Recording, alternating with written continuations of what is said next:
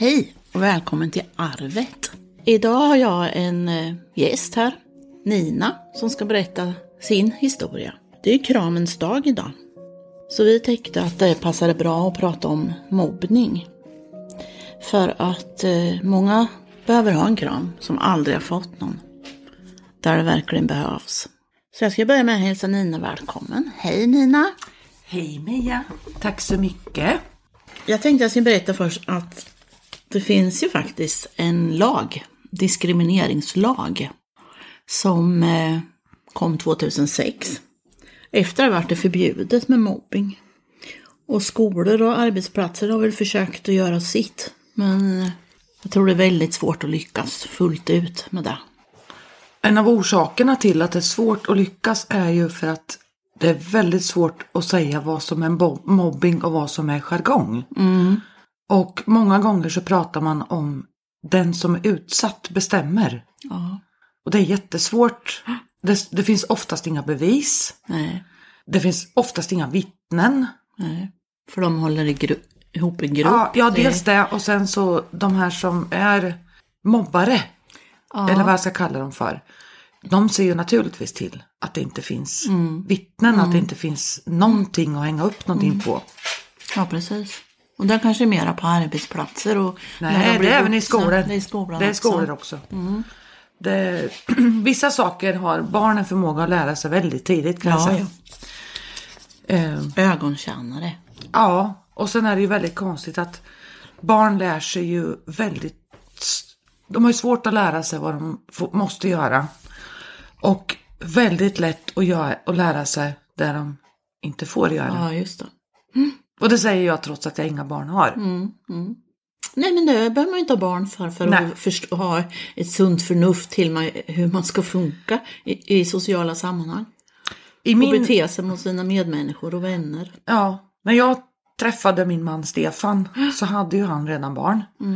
Och jag bestämde mig väldigt fort för ett par saker. En sak jag bestämde mig för var att vill jag ha honom fick jag acceptera hans barn. Ja, Och sen var det väldigt viktigt för mig att försöka komma ihåg hur det var att vara barn. För att jag tror det är väldigt lätt att glömma. Och sen blir man bara en tråkig vuxen. ja Istället, precis. istället för att minnas hur det var att vara barn. Ja, När, när barnen gjorde dumheter så lärde jag dem snälla hyss som inte kostar pengar och inte skadade. ja. För man måste få göra någonting. Man kan inte bara gå runt och vara som ett tänt ljus. Nej. Så det är ju viktigt att man kommer ihåg hur det är att vara barn och ha med sig det när man får egna barn och med andras barn överlag. Det är nästan viktigare med andras barn. Ja, faktiskt. För att För de man ska har jag ju inget band till. Man ska ju inte bli en ny förälder på det sättet. Nej. Förälder kan man bli, men man ska inte bli en ny mamma, inte en ny pappa. För det har de redan. Ja, det var Men en också en, tredje förälder. Ja, och det, det var också någonting som jag var väldigt noga med när vi träffades. Att jag inte skulle tala illa om deras mamma. Nej. För solen gick upp för hennes skull enligt dem. Ja, De kan inte hjälpa vem de har fått till föräldrar. nej. Och jag kan inte hjälpa. Det finns två saker här i världen vi inte kan välja. Nej. Det är släkt och arbetskamrater.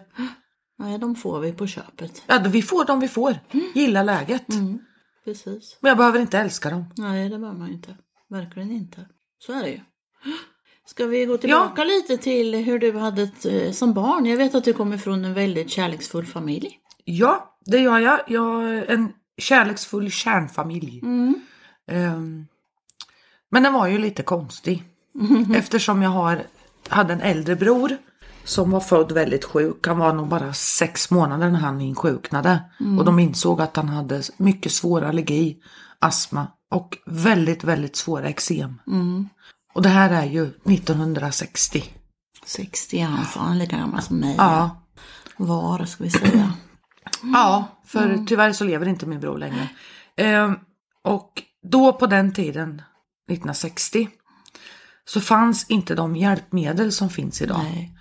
Eh, vissa mediciner, som en vanlig sån här liten inhalator som man får idag på apoteket när man har problem att andas. Den var en stor, stor maskin på lasarettet. Det fanns inget annat än den. Så han var tvungen att vara på lasarettet när han hade Han sina hade egen säng. skov liksom eller så. Han hade egen säng på lasarettet som var öronmärkt till honom. Ja, ja. Den stod alltid ledig. Mm. För man visste inte, han hade ju minst ett svårt astmaanfall, svårt, alltså dödligt svårt astmaanfall var 14 dag. Oj. Ja. Han var jättesjuk. Det påverkar ju hela familjen naturligtvis. Att Ja. man inte kunde resa eller göra saker så. Nej, och eh, trots att mammas och pappas nära vänner och anhöriga visste om vad han hade för problem Ja. så drog de sig undan. Ja. För att det var hela tiden han som styrde ja. När de kunde träffas, om de kunde träffas. Och då vart det så här, nej tyvärr vi kan inte idag. Och då det, blir folk så här, nej då bjuder vi inte en gång till. Eller vi, bjud, vi bjuder inte den vi bjuder inte den här hundrade gången. Nej, precis. Så är det ju. Det, sen var det ju väldigt stora restriktioner på den tiden. Eh, tidigt 60-tal. Det fanns saker som, som var, han hette Mats, min bror. Och Min med. Men han är frisk som en nötkärna. ja, det var ju inte min. Eh, det var saker som han hade problem med. Han hade ju, mamma hon dammsög och torkade golv varje dag. Ja, just det. Vi hade inga mattor. Nej. Vi hade väldigt korta gardinkappor. Mm. Ingenting fick samla damm. För han var jättesjuk. Ja. Eh, och det var väldigt svårt att åka till andra. Ja, det är det ju. Absolut. För det, finns, det fick inte finnas något damm. Nej. För han, var, han fick astmaanfall. Och det här är inte, var inte psykosomatiskt utan det var så Ja, här. ja. ja, ja. Eh, mamma hade inga levande växter Nej. först. För det gick inte tills hon hade utrönat vad vi kunde ha. Ja, just det. Vad som gick. Mm. Eh, och det gjorde också att vi inte kunde åka hem till andra. nej, ja, naturligtvis inte. Nej. Särskilt inte i jultid. Nej, just det. Bannade hyacinter. och allt. Ja. Så eh, jag är ju född in i en, vad man kan kalla för, konstig familj. Mm. Så ingen förstod. Nej, för man ja, men det är ju bara en unge liksom. Vadå, han kan väl hålla andan ett tag. Nej, men jag vet hur folk tänker liksom att man... Åh, de är så håpiga med den där ungen. Lite så Kan kan de inte tänka lämna bort den? Ja, kan de inte skaffa barnvakt och komma hit då? Men de kommer ju hem med alla dofter och katthår och allt vad det nu var. I kläder och sitt eget hår och allting. Mats var så pass... Cigarettrök, då rökte ju alla inne. Ja men det gjorde mamma och pappa med. Asså? Ja. Och det tålde han då eller? Nej. Nej. Men det gjorde de ändå. Jaha, ja just det. Eh, jag tror det var så här också att Mats var så pass sjuk så jag tror inte att mamma vågade anlita någon. Utan hon, hon var rädd för att den som skulle sitta barnvakt inte visste vad de skulle Nej, göra. precis. För man visste inte när han fick sin astmaanfall och vad som utlöste det då. Hade det varit idag hade han ju fått personliga assistenter. Som hade kunnat eh, Ja, avlasta kanske det, ja. och så. En avlastande familj. Ja, En stödfamilj för mamma och pappa. För i, i det hela så 1970 så var Mats 10. Mm, Och han var ju inte frisk då heller. nej. Så får min mormor, våran mormor, får en svår stroke. Mm. Så mamma får åka i skytteltrafik mellan lasarettet i Norrköping och lasarettet i Linköping. För där ligger mormor i koma. Jaha. Jag vet faktiskt inte när hon sov. Nej. Frågan är när hon sov. Pappa jobbade, mamma var ju hemma. Ja, just det. Och, eh, Det fanns inga närstående penningar då. nej. Nej. Och den enda vi hade som eventuellt skulle kunna ha hjälpt och avlastat mamma var ju mormor som fått en stroke. Mm, mm. Så jag vart ju lite, jag ska inte säga undanskuffad, men, men där, där, nå- någonstans där så förstod jag att mamma inte orkade. Ja, Och när hon inte orkade så märkte jag det. ja. Jo, det är klart. Ja. Så jag vart, jag var ett sånt där stillsamt barn. Mamma kunde sätta mig i sandlådan när jag var fyra år. Eh, för hon, skulle, hon, hon kanske ville åka och handla och vara själv. Och så kunde hon säga att, för jag är uppvuxen på en innergård. Jag har en asfaltblomma. Ja, med hyreshus och så. Ja, fast insats. Men Ja, lägenheter. Och det var mycket barn på den här gården. Eh, och det var mycket, de flesta mammor var hemma. Det var För det är ju så. 60-tal. Ja. Och eh, mamma kunde väl, hade väl förmodligen kontaktat de andra mammorna och talat om att jag måste åka och handla och jag vill vara lite själv. Så hon hade, de hade någon typ av sån här, en typ av kedja fast den var, Ja, inte, precis. den var inte sanktionerad eller någonting utan Fast det alla mammor. nog på den tiden liksom att de, det är som de säger att ett helt eh, samhälle fostrar barn. Typ. Och det var väl så, en hel Ja. innergård fostrar barn. Här är barnen nu och jag åker och handlar. Ja, ja, vi kollar, vi kollar. Och det var liksom ingenting konstigt med det, man gjorde så. Det var, måste ha varit alltså säkert 50 barn från ålder 0 till 18. Så mamma talade väl om för de här andra mammorna att jag måste åka och handla och jag behöver ett par timmar för mig själv. Och de andra sa ja men det är okej, vi ser efter Nina, det är lugnt. Och så satte hon mig i sandlådan och sa att du får inte gå härifrån. Eh, om du inte behöver gå på toaletten för då kan du gå dit, dit eller dit. Till tant Aina eller tant Anita eller tant Lilian eller någon. Då kan du låna deras toaletter för de är hemma. Okej? Då satt du där. När hon kom tillbaka fyra timmar senare så satt jag kvar där. Jag hade inte gått en meter. Nej. Och jag tror jag hade någon slags medfödd förståelse för eftersom jag är infödd i det här. Jag är född 64 och Mats var född 60. Ja. Och han är född tidigt på året och jag sent så han var ju nästan fem, Fem år. Ja. ja. Så jag är ju född med det här och har ju liksom aldrig tyckt att det här är något konstigt. Nej, men det blir ju så. Ja. Man är född med någonting. Ja. Eh, det är, så jag förstod att mamma var trött och att mamma Mm. behövde egen tid. Helt, utan, helt omedvetet. Ja, Och sa hon åt mig att sitta där i sandlådan till hon kom hem. Så gjorde jag ja det. just det. Men hur, om vi går lite framåt, när du började skolan sen då? Lekis fanns ju Ja. först. Det hette ju lekskola, lekis. Började sex år, när jag var sex år. Jag måste falla tillbaka lite till det här med min bror. Eh, han var ju så pass sjuk så att han har, av nio år i grundskola så har han väl gått fyra och ett halvt. Ja, ja. Resten har han varit sjuk. Ja, Och det slut, i, när han gick i lågstadiet så han fick hemundervisning. Fröken kom hem ja. ja. och hade undervisning med honom. Hemma. Så att han, ja, ja. Och jag var ju så lugn och snäll. Och där är, han är ju, säg att han är åtta. Jo, så jag är väl fyra ungefär. Och fröken tycker att jag är väldigt lugn. Och så, så hon låter mig vara med ja, ja. på Mats lektioner hemma. Vilket fick till följd att när jag började skolan, när jag började lekskolan, så kunde jag läsa, skriva, räkna och jag kunde räkna till 12 på tre andra språk. Jag låg väldigt före. Och det här är någonting som bara har följt med. Det är ingen som har tvingat mig eller någonting. Nej, men då tyckte man det var roligt att Ja. lära sig. Man tragglade ju och skriva sitt namn och, och så här när man var liten. Ja, Det var ju så. ja, jag kunde plus. Hör ni något som låter i bakgrunden så är det Harry. Ja, det är en ny person här. eh, jag, kunde, jag kunde addera, jag kunde plus. Ja. Och då har inte jag börjat skolan än, jag bara lekis. nej. Ja. Och eh, de andra i min lekisklass tyckte jag var väldigt konstig. Ja, för Så- de hade ju aldrig råkat ut för det här. Nej, och jag var inte så jag har tagit reda på det efterhand. Jag var inte särskilt lillgammal. Nej, För jag gjorde i princip inget väsen av mig. nej, just det. Och eh, det jag, jag har ett sånt där riktigt starkt första mobbingminne. Det var vi var ute på någon utflykt någonstans. Jag kommer inte ihåg var. Nej. Det är inte intressant. Det som är intressant är att vi har tittar på någonting speciellt. Ja. Och det ligger lite uppe på en höjd. Och en av pojkarna i min lekisklass tänker att det är nu eller aldrig. Så han knuffar mig ner för slänten. Aha, ja. Och idag kanske jag inte tycker slänten är så hög. Men säg att den var någonstans mellan 5 och 10 Allting meter. var ju liksom jättehögt Ja, men den var mellan 5 och 10 meter och jag slog med. Och när jag ramlade ner och rullade ner så tappade jag luften.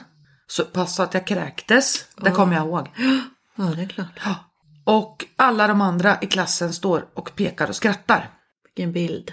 Det är första gången det händer något. Den bilden klart har ju du med dig i huvudet hela livet. Fortfarande liksom. Ja. Trots att jag är så pass gammal Ja. så finns den där bilden kvar när jag Ja, står där och försöker att kippa efter luft. Ehm, De jag- bara står och skrattar.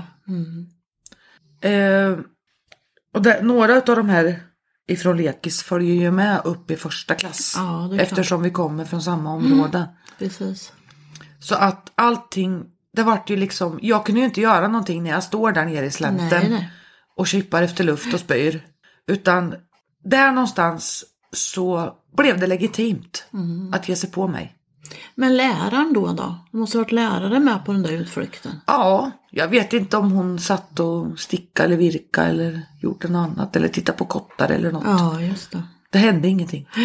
Nej. Utan allt det här följde ju med så att det vart ju på något vis legitimt Mm. att ge sig på mig. Och det följde ju med ända upp i mellanstadiet, eller ända upp till första klass då. Ja, Och sen var det ju samma elever hela tiden ända tills jag i princip slutade gymnasiet. nian, alltså gymnasiet med. Så eh, den här misshandeln, den, både den psykiska och den fysiska fortsatte ju. Jag fick ju inte, jag fick inte vara med. Nej, nej. Eh, jag fick inte vara med på när man skulle typ så här välja lag. Då vart man vald sist. Eller Om man, inte är en, alls. nej, om man är en svartvald. Ja, för de kunde läraren säga, ja ni som är kvar kan gå till. Ja, det blå laget. Ja, precis. Eller du som är kvar var det i det här Ja. fallet. Vi var nog några stycken kvar. Och jag vet också det att jag alltid varit vald sist. För jag är ju ingen sportmänniska. Jag, hatar ju sport fortfarande. Jag är rätt duktig på bollsport Ja, faktiskt. Mm. Men det spelar ingen roll. nej. Nej, det spelar ingen roll. Inte i ditt fall spelar det ingen roll. Och det var likadant när vi Mm. hade, om vi någon gång hade på någon sån här, typ på våren om man hade något, man kanske hade någon sån här eh, utomhusdag och fröken tyckte att vi skulle spela brännboll. Mm. Alltså det var ju, det var ju en sport att Ja, sikta på det. mig. Både med boll eller med Men herregud. klappträt. Gick ju bra med. Ja, Oj, jag missade. Det var en sport. Ja, Så på lågstadiet var det ju inte så... Det var ju mest den typen för att då, vi var ju inte så stora. nej precis. Sen kommer vi till mellanstadiet och då börjar ju, då är man ju tio Mm. typ. Ja, Ish. ja det var man. Ehm, och då börjar ju en del att mogna Mm. och man börjar växa lite. Och lite olika. En del får bröst tidigt och en Ja. del sent. Ja. Och en del, en del av grabbarna växte ganska mycket. Ja, Och så var en helt annan mentalitet på 70-talet. För nu är vi nere på 70-talet. Mm. ja. Det var det ju. Det blir det ju. Lite tuffare, lite... Ja, lite så. Vi, nu har jag, någonstans har jag ju, säger jag så här, jag har växt upp i en tid när man ska vara glad för att det värsta som kunde råka, man kunde råka ut för, det var att man vart på smällen. Det fanns, Ja. inte, det fanns inte droger på det sättet. Nej, det gjorde det inte. Det fanns inte pedofili på det sättet som det Nej. gör idag. Nej. Det fanns inte, det var så mycket som inte fanns. Mm. Det enda man behövde bekymra sig om det var att man smälte in. Mm. Och det gjorde ju inte jag.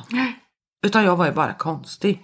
Utan jag fick ju bara höra, höra jämt och ständigt att jag var ful och dum och knäpp och konstig. Sa ju alla jämt. Mm. Och jag vart ju ledsen. Eh, och så när jag kom hem så frågade mamma varför är du ledsen? För alla säger att jag är ful. Och så grät jag. Och vet du vad min mamma sa? Nej. Att du är det vackraste som finns. Nej, men du är snäll i alla fall. Ja, just det. Ja, Alltså var jag ful. ja, det var det ju då. Och det har jag fått höra ända sedan jag gick i lågstadiet. Så i mina ögon, men, nej, men jag vet, jag vet förståndsmässigt att jag ser ut som vem som helst, inget märkvärdigt Ja, med mig. Men jag tycker att jag är ful. För alla har alltid sagt Ja. det. Och det är klart, det där det biter sig ju fast som en jävla böld i ryggraden. Precis. Den har man ju med sig. Ja. Så jag har ju den åsikten att jag är ful. Fast jag vet att jag ser fullständigt normal ut. Ja. Det, det är inget fel på mitt utseende. Jag har två ögon, en näsa och en mun. Allt är proportionerligt. Mm. Ingenting som sticker ut, ingenting som försvinner, ingenting sånt. Utan, men i mina ögon är jag ful. I mina ögon är ju du Nina. Ja, Och det är ju liksom inget som man ens väger in. Nej. Utseende eller något. Nej. För du är ju liksom min Nina. ja. I mina, ögon ju- så ser, I mina ögon ser jag ut som någonting som föräldrar använder sig av att skrämma in barnen med på kvällen. Nej, fy. Usch, ja. Eh, Men jag förstår det, för det där det sätter sig alltså. Ja, det gör det. Absolut.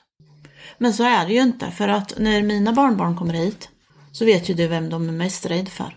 Ja, det är Stefan. Det är Stefan. Och han älskar barn. ja. Och, de, Och jag har jättesvårt för barn och de tycker om mig. ja, och de kommer alltid, om du kommer in och sätter dig så kommer de alltid liksom och ja, sitter nära. De kanske inte pratar men de, man ser ju att de dras. De är i alla fall inte rädd för Nej, mig. nej, nej, nej, nej. Och det är lite Men ovanligt. däremot är de ju livrädda för Stefan. Men han är lite bullrig och högljudd. Ja, den. Och det är väl lite det. Så att, nej, men det där är så konstigt. Och där, där måste jag säga, det är lite kul. Nu kommer jag säga något jättekonstigt till dig. där är barn och katter väldigt lika. Ja, För de dras till den som inte riktigt dras till dem. ja men så För de vill, de ja. Mm. vill väldigt gärna att man ska få kontakt. Ja. Är det någon som är allergisk mot katter så ska ju katterna sitta I knät, Ja. helst upp i ansiktet. och de som min mamma som inte tyckte om katter, mina katter var ju tokiga. Ja. För de gjorde ju allt Ja. för att, bli, att Ja. märkas. Ja, och, och bli liksom omtyckta. Ja. Ja, nej, det, det ser man liksom. Det är inte så konstigt att många människor har med sig det här att det här är ju ett dilemma som aldrig, aldrig läker. Nej, när man har blivit inte. mobbad. Nej, det gör det inte. Och det är Det så går aldrig över. med- man kan vara utfryst och, och man har med det här även på jobbet och allting sen. Alltså, fast det kan, finns- t- det kan hända liksom vart som helst och när som helst så börjar folk att frysa ut liksom. Och det är det som är så sjukt att, det, att man inte tar hand om varandra. sen. För jag menar din klass då uppe på den där kullen. De skulle ju ha knuffat undan honom och sprungit ner och hjälpt dig. Men Din det fanns fröken skulle ju ha, ha satt honom, han skulle ju fått kvarsittning och samtal hem och lapp hem till, till föräldrarna. Men jag menar, en sån handling, att inte din fröken reagerar då, Mm. förstör så pass mycket. Jag tror inte hon förstod hur mycket hon förstörde. Nej, det kan hon ju inte ha gjort. Då, Nej. hon tagit, då borde hon ha tagit livet av sig. Ja.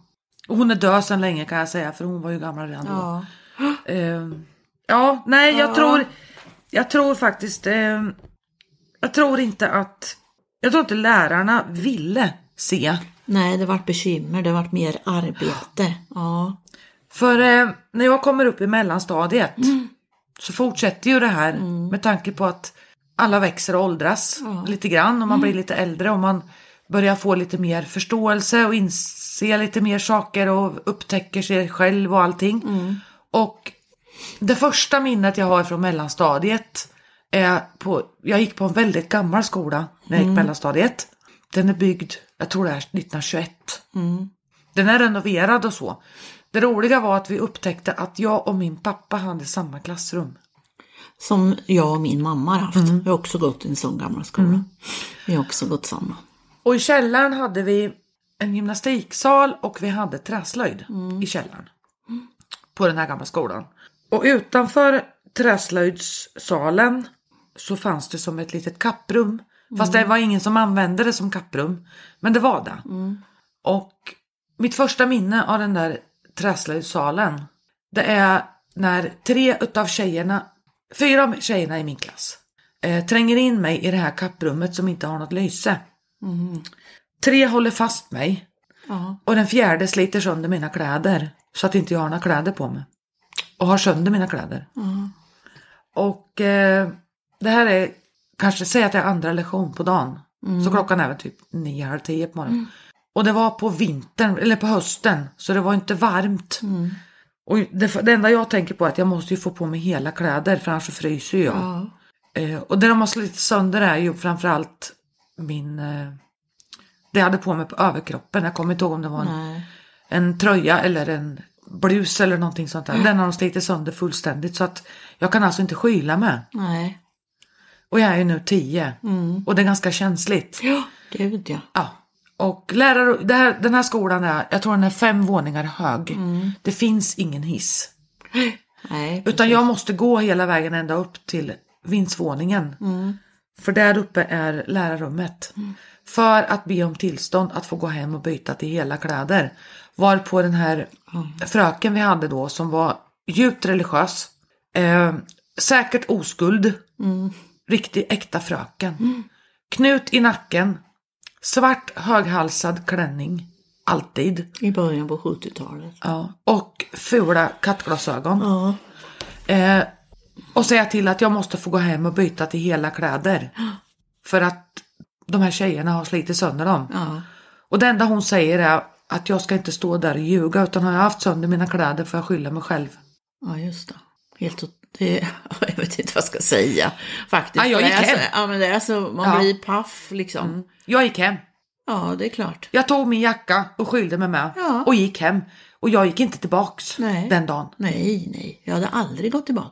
Utan jag gick bara hem. Mm. Och när jag berättade för mamma vad som hade hänt så vart hon någonstans mitt emellan bindgalen och skogstokig. Mm. Och eh, hon frågade mig vem det var och jag talade ju om vilka det var. Ja, Så hon kontaktar ju deras föräldrar. ja, Och det första hon gör är att hon kräver ersättning för kläderna. Mm. För vi hade väldigt dåligt med pengar när jag var liten. Och det var ju på grund av Mats sjukdom. det slukade sådana fruktansvärda pengar.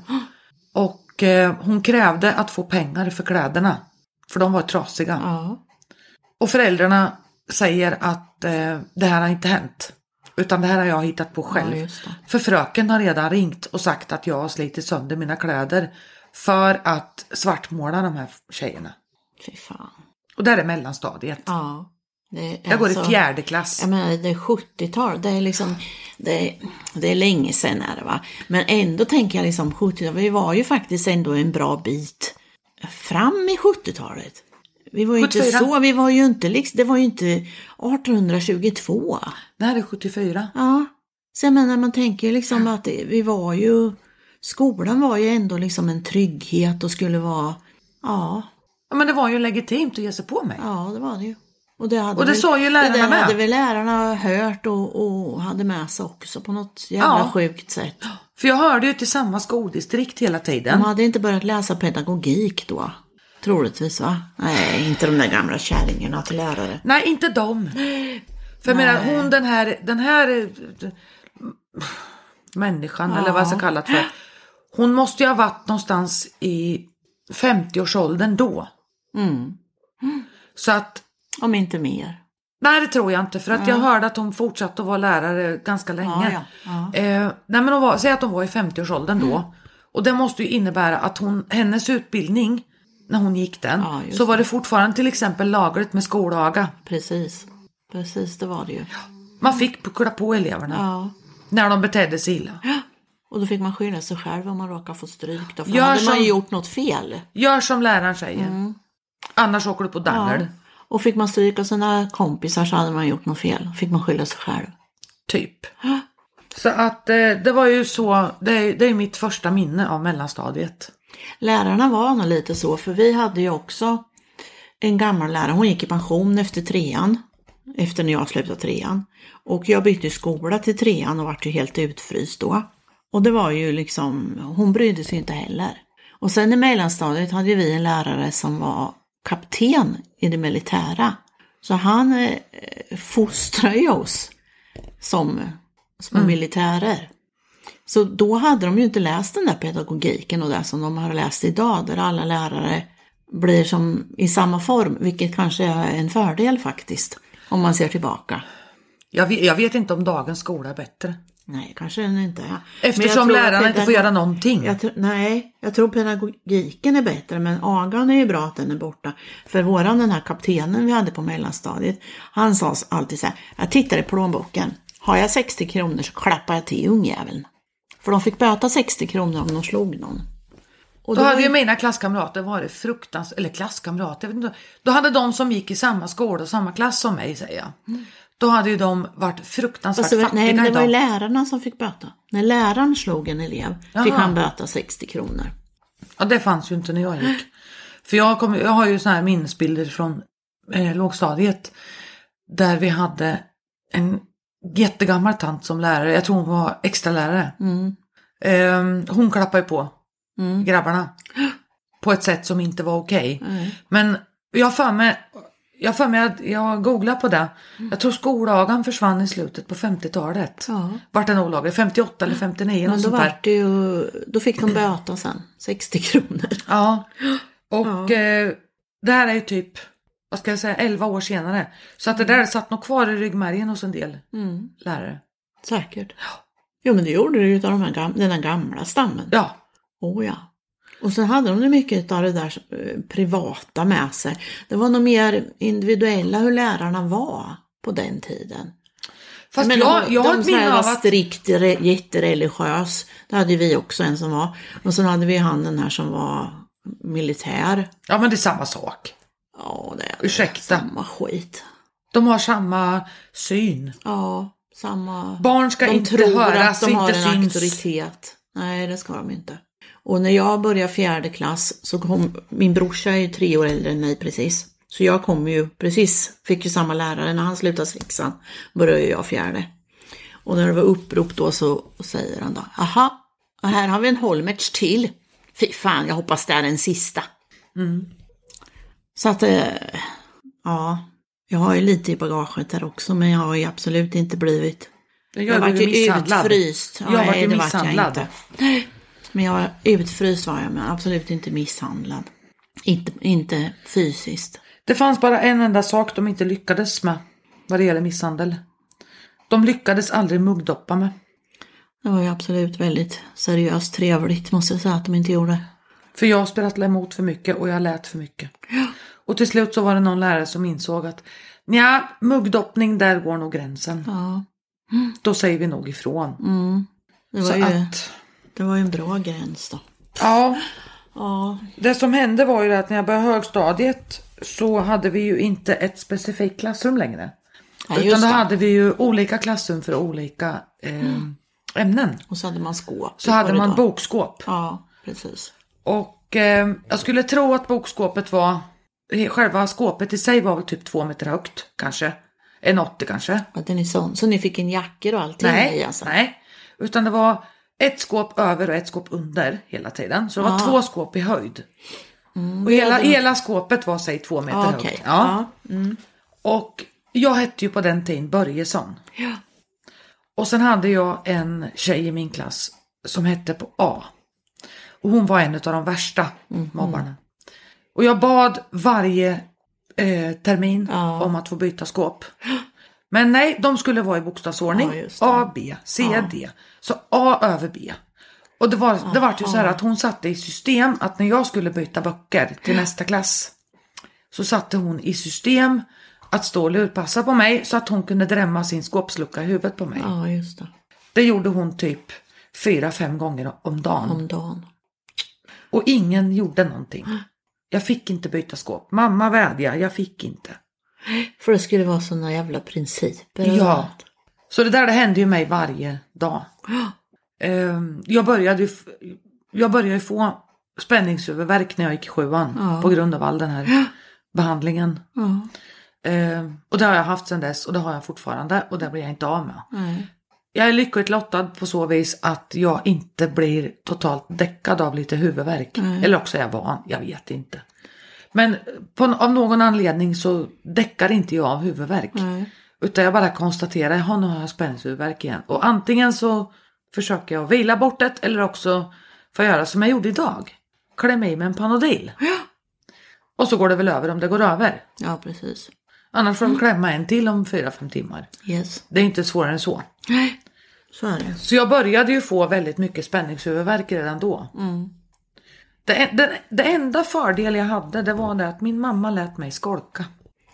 Precis. Hon höll mig hemma Ja. ibland. Där jag bara fick vara hemma och bara vara och bara ladda batterier. För jag hade en annan sak också, det var att jag hade fruktansvärt lätt för mig i skolan. Mm. Eh, jag vet inte eh, om, om ni har märkt det speciellt mycket. Stefan har ju märkt det och mina arbetskamrater har ju märkt det. Jag är ju född med ett extremt gott minne. ja, det vet vi ju. Om man nu frågar vad en groda heter på latin så vet ju du det. Nina har någon sån här fetischism mot, till grodor. har Och kackerlackor eller de där, nej bärfisar. bärfisar och bålgetingar. Just. Eh, ja, nej, jag, jag har ju blivit begåvad med ett gott minne. Men det är ju någonting som jag tycker är ganska häftigt egentligen med allt som du har gått igenom och blivit så pass nedtryckt, slagen, misshandlad, mobbad, allting. Att du ändå står upp för vad du tycker om. Men vem skulle jag annars vända mig efter? Nej men liksom man kanske skulle krypa ihop och lägga sig under en sten och inte våga göra någonting. Men det gör ju du. Du är ju fortfarande som du är och den du är och skiter i vad andra tycker idag. Men det Och här, det här det här kanske är någonting du har lärt dig utav den här nedtryckningen. Att du, men ändå tycker jag det är skithäftigt att se att du fortfarande liksom är den du är. Men jag kunde ju inte vara någon annan för jag hade ju ingenting annat att gå efter. Utan det spelar ingen roll om jag försökte vara som alla andra. Eller om jag bara försökte vara mig själv. Jag vart ju mobbad i alla fall. Ja. Och sen så, som vi sa i början där, jag kommer ju från en väldigt kärleksfull familj. Eh, med två väldigt intelligenta begåvade föräldrar. Som ansåg att man ska tycka som man tycker och man ska stå för vad man tycker. Ja. Och vad du än tycker så är din åsikt rätt för dig. ja, just det. Och vad jag än tyckte eller inte tyckte. Det spelade ingen roll när jag gick i skolan för jag fick på näbben i alla fall. Ja, precis. Så jag kunde lika gärna vara ful, dum, konstig och knäpp. För det tyckte de i alla fall. Och jag kunde odla mina egna intressen. Och även om du hade smygit efter väggarna och eh, försökt vara tyst som en mus och inte märka så hade de ju hittat dig i alla fall. Ja men det hade de ju radar för. Ja, jag menar det. Ja. Så att eh, jag kunde lika gärna vara den jag var. Fast jag tycker det är starkt. Du har en väldig styrka i grunden där. Jag visste ju inte vem jag skulle vara. Annat än mig själv. Nej, För det hjälpte ju inte. Nej det gjorde du inte. Så att jag kunde lika gärna vara den jag är. Däremot så, jag nötte ju ner tröskeln till biblioteket för jag hade ju aldrig några kompisar. Nej. Utan någonting jag lärde mig. För det här, är, det här kommer att låta jättekonstigt. Men då läste ju du istället. Och jag tycker, ja, det här låter jättekonstigt i dina öron, jag vet det. Det finns tillfällen när jag är väldigt tacksam för att jag blev så mobbad. Ja, för då, jag tycker ändå att du har en styrka, att du har tagit till det liksom dig själv på något annat Ja. sätt. Än som, för jag vart ju tyst och vart ju rädd och var tyst istället. Fast det kan inte jag vara. Och det vet jag, det, det är någonting som jag har märkt på jobbet. Att är det någonting jag inte tolererar så är det när arbetskamrater ger sig på varann. Ja, ja. Nej, För nej. jag går emellan och jag skiter i min personliga åsikt om den personen som blir utsatt. Den jargongen ska vi inte ha. Nej. Den är inte okej. Eh, då står jag upp Mm. Och säger att det här är inte okej. Ja. Eh, och, och det tror jag att många offer gör i, när de blir vuxna. Att man ser ju sitt eget och har man blivit stark sen så tror jag att man, ja, man har redan blivit pucklad på och jag kan lika gärna säga ifrån då. När man ser att andra far illa. Jag tror att man, eh, får, man utvecklar en väldig empati för andra. Det kanske man gör. Eh, men jag är inte säker på att alla gör det. Jag fick ju vara med. Om de fick slå på dig. Precis. Och det är någonting som jag absolut inte tolererar. När man behandlar andra illa. Nej. Generellt. Och det är inte intressant hur eller varför. Nej, eller precis. så. Just det här att, att behandla andra illa. Mm. eh, utan anledning. Det, det är någonting som jag inte accepterar. Men som sagt var, jag har, det finns tillfällen när jag är tacksam för den behandling jag har fått. På grund av att var det någonting som hände kan jag säga så det här är hårresande. Vi hade väldigt mycket det som idag skulle kallas för värstingar Ja. i klassen. Jag hade två stycken grabbar som firade när vi slutade femman. Med att ta sig en rejäl fylla på skoltrappen. I femman. Femte klass, då är man elva. Ja. De lever inte idag. Jo, den ena i Jaha. alla fall vet jag lever. Eh, men han är väl inte Pigge Myra. Nej. Och sen fick jag höra av en, eh, en arbetskamrat vars syster gick på skolan samtidigt med mig. Att det är fem stycken i min klass som har dött av eh, droger. Ja. Och när jag hör sånt så känner jag, fy fan vad skönt att jag inte fick vara med. Ja, faktiskt. För man vart ju påverkad. Ja, barn är ju som lera. Ja. det De är ju så. lätta att forma. Så jag är ju på sätt och vis i vissa lägen tacksam över att jag inte Ja. fick vara med. Ja. Och som du sa, jag fick en möjlighet att odla mig själv ja. på ett sätt som kanske inte de fick. Nej, precis. För de fall föll under grupptrycket. Ja, och de, skulle, och de skulle ju vara stöpta i en viss mall. Ja. På ett sätt som jag inte behövde vara. Nej, för det var ju det här med grupptryck, att man skulle vara likadana, man Ja. skulle vara Man skulle ha de märkesjeansen och ja. man skulle ha de skorna. Och fick man inte som man ville så la man sig på affärsgolvet och skrek och grät till mamma gav med sig fast hon inte hade råd. Ja. och så kan fick de äta blodpudding i tre månader. För att inte barnet skulle ligga och skrika och Nej, gråta precis. på golvet i affären för det var pinsamt. ja. Det skulle jag aldrig ha gjort. Nej, absolut inte jag heller, för jag var ju görblyg. Min mamma fick ju bara låna sin hand när hon skulle betala i kassan. Jag var ju sån istället, jag var ju livrädd för allt och alla. Fast sen gjorde jag lite revolt sen när de skildes och så. Då var det lite omkastat. Jag gjorde väl inte så mycket revolt ändå för att jag var så pass trygg hemma. Jag hade en sån trygghet hemma även om jag i senare tid har upptäckt att min mamma var lite underlig. Men å andra sidan när man tänker efter då att åka i skytteltrafik mellan två stora sjukhus och vaka över två närstående, en son och en mor. Det kan nog få vem som helst att vara lite underlig. Ja, säkert. Man blir nog det. Hon, för jag vet att Samtidigt fick väl hon utprä... vad heter det? utplåna hela sig själv för din brors skull och för din skull också. Liksom att du skulle få din bit av uppmärksamhet och allting. Det, det, det som är så hårresande var att mammas och pappas sätt att inte, att inte låta mig ramla utanför, det var att hjälpa till att dosera Mats medicin. Det vill säga, det betyder alltså att när jag är ungefär fyra år gammal så lär jag mig att läsa på, på medicinburkar. Ja, just det. Det första ord jag lärde mig att läsa, det kommer ifrån tidningen och det heter TV-nytt. Just det. Det andra ord jag lär mig att läsa det är ett läkemedel medel som fortfarande finns som heter Lomudal. Det är det andra ord jag lär mig att läsa och då är jag fyra. Och i samma veva så lär mamma och pappa mig hur man kokar kaffe på gasspis. Ja, just det. Det är Själv. bra. Ja, det är bra att man vet det när man är fyra. Ja, Jag tänker hur och jag når vara- inte. Så jag tar pallen och släpper fram till spisen för att nå tändaren till gasspisen. Och de har visat mig väldigt tydligt att man trycker in knappen och vrider och så trycker man på gasen. Jag hade i princip ingen finmotorik. Nej. För jag är fyra år. Jag tänker på Ville som blir fem nu. Med en tändare i handen. Jag tror inte att det är så bra kombination.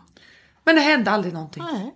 Jag gjorde mig aldrig illa. Jag tror att man... Att, Och jag har eh, varit en, jag har varit en jäkel på att koka kaffe. Det är bra. Och nu kokar vi kaffe på spisen, inte någon bryggare. Nej, det gjorde Vi man ju då. kokte kaffe. Ja, ja. Det gjorde man ju då. För det fanns inte bryggare. Nej. Alltså inte bryggkaffe eller något. Det fanns säkert på de här stora fikerna. Ja. Men inte privat hemma. Nej, det fanns det inte. Nej. Utan då var det att koka. Ja. Och då hade vi en sån här Sigvard Bernadotte kaffekokare. De här, de här kromade Ja. som han designade. En sån hade vi. Ja. Och jag visste precis hur man skulle koka upp kaffet tre gånger och allting. Ja. För det skulle bli gott. Nu är jag fyra år. Ja. ja men det är så blandat. Det är så, dels är det väldigt eh, komiska saker. Ja. Eller liksom så. Ja, det är tragikomiskt. Ja. Och samtidigt så är det ju förjävligt. Ja. Men jag vet inte, jag har ju ingen annan barndom. Nej, det har man ju inte. Jag har Man ingenting ju annat att relatera nej, till. Nej. Jag vet inte om jag skulle vilja haft det som de andra. Nej. Och skrika och tjuta mig till allting. nej. Och haft ett bittra föräldrar som egentligen inte har råd. Ja. Och visa kärleken en gång på riktigt sätt. Nej. För man köper ju inte sina barn. Så att eh, jag är inte så, alltså jag fick lära mig någonting ganska tufft då. Och det är någonting som jag lever efter än idag. Ja. Det finns inget ont som inte har något gott med sig. Faktiskt. Nej, så är det nog. Det stämmer nog i mångt och mycket. För mig har det, best- Att har det alla- i allt. Alla plågor och allt är ju som en läxa för livet och allt vi går igenom och tar oss igenom har vi ju ändå med oss någonting i. Glöm det aldrig. Som min utbrändhet och allting, det har ju ändå blivit något bra till slut. Och Om inte annat så- har man lärt sig något. Ja men det har man ju, man har en kunskap med sig och man har en förståelse för andra människor och man har eh, ja, erfarenheter. Ja. Har man ju. Och det är väl resans gång som gör en till där man är idag. Ja, fast så är det. Så är det ju. Ja. Ehm, man är ju den man är när man föds. Ja. En del är medfött och en del är förvärvat. Mm.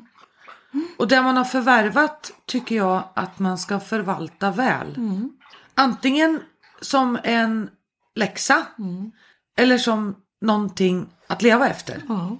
Och det är det ju liksom, det vi inte får i arvet, det får vi ju av miljön. Ja, Och eh, de vet ju inte riktigt, eh, forskarna, vilket som påverkar mest. För om man tar ett par tvillingar och de får växa upp på varsitt håll. Så vissa saker har de jättelika, gör samma gester, kanske väljer samma ord och så ändå. Och vissa saker är de helt skilda i. ja det stämmer ju. Det, det vet de ju. Och jag kan ju tänka mig att många som gick i min klass hade en dålig barndom. Hemma. Dåliga hemförhållanden. Eh, och det hade inte jag. Jag tror då 70-talet, då var det, slutet 60, början på 70, så, så, då var det vanligare med skilsmässor. Det vart eh, mera eh, legalt att eh, flytta från sin man för att han var konstig. Dum i huvudet. Ja, otrogen. Fast är du säker på att det alltid var männen? Nej, det är jag ju inte. Men i mitt fall var det ju så. Ja. I mammas fall var det ju så. För jag vart ju skilsmässobarn 1971. Mm. Och det har nog påverkat mer än vad jag tror. Det vart nog vanligare med skilsmässor. Jag tror att man, man räknar inte med barnen Nej. i en skilsmässa Nej. på den tiden. gjorde man inte. När min mamma och pappa var hos advokaten, har de ju berättat efter sen, då säger advokaten, jaha, och barnen då? Det är mina barn. Flyttar han så är det mina barn, sa mamma då. Och jag träffade inte min mamma och pappa på över två år efter. Och det, det är klart att det präglar på något vis. Särskilt som om inte du har drabbats av din pappa. Ja, Det kanske är skillnad om man hade varit en sån som pucklar på er allihopa, Ja. inklusive dig. För då kan det vara en lättnad om pappa flyttar. Ja. Jag pratar inte av erfarenhet nu. Utan Nej, han jag, Mm. kan ju, jag pratar ur, ur så att säga, förstånd.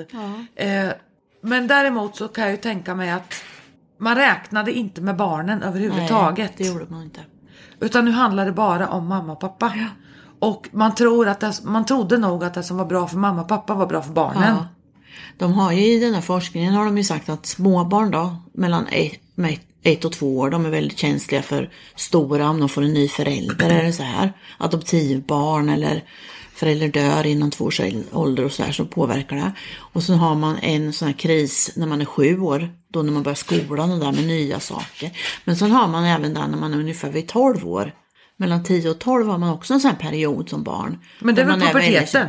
Ja, som början på puberteten. Men det är där som liksom, kanske många föräldrar skiljs. Barnen har kommit upp i 10-12 års ålder. Man tappar varandra för man har gjort under småbarnstiden och så. Och jag tror att det påverkar barnen som är i den åldern mycket mer än vad de har trott. Inte jag tror inte det. Forskarna har kommit fram till det. Det har jag sett på TV. Jag tror att skulle Så mina det- föräldrar ha skilt sig, om de hade gjort det, vilket kanske inte hade kanske varit så dumt om de hade gjort.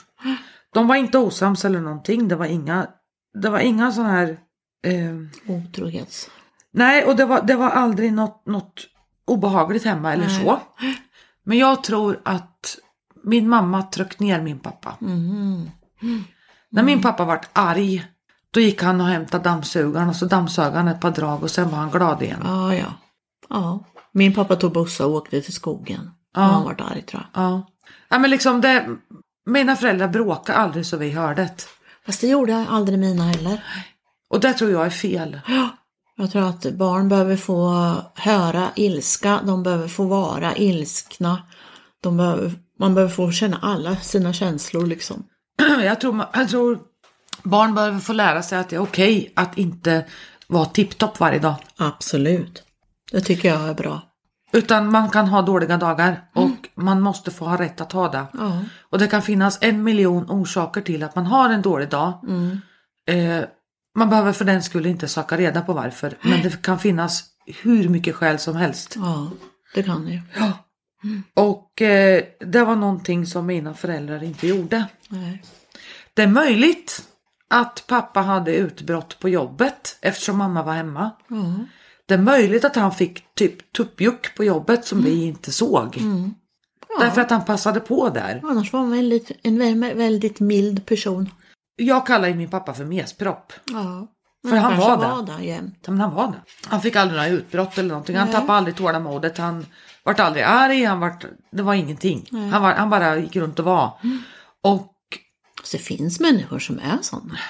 ja, för min bror ärvde nog det. Ja. För han vart likadan. Jag vet att om, om det hände någonting, om han vart osams i närheten av min bror, antingen på honom eller att han kanske till och med var orsak till det. Då vart han jättesjuk, fick migrän och gick och la sig. För han klarade inte av det. Jag tror att det är många som reagerar så, som konflikträdda helt enkelt. Ja. Också.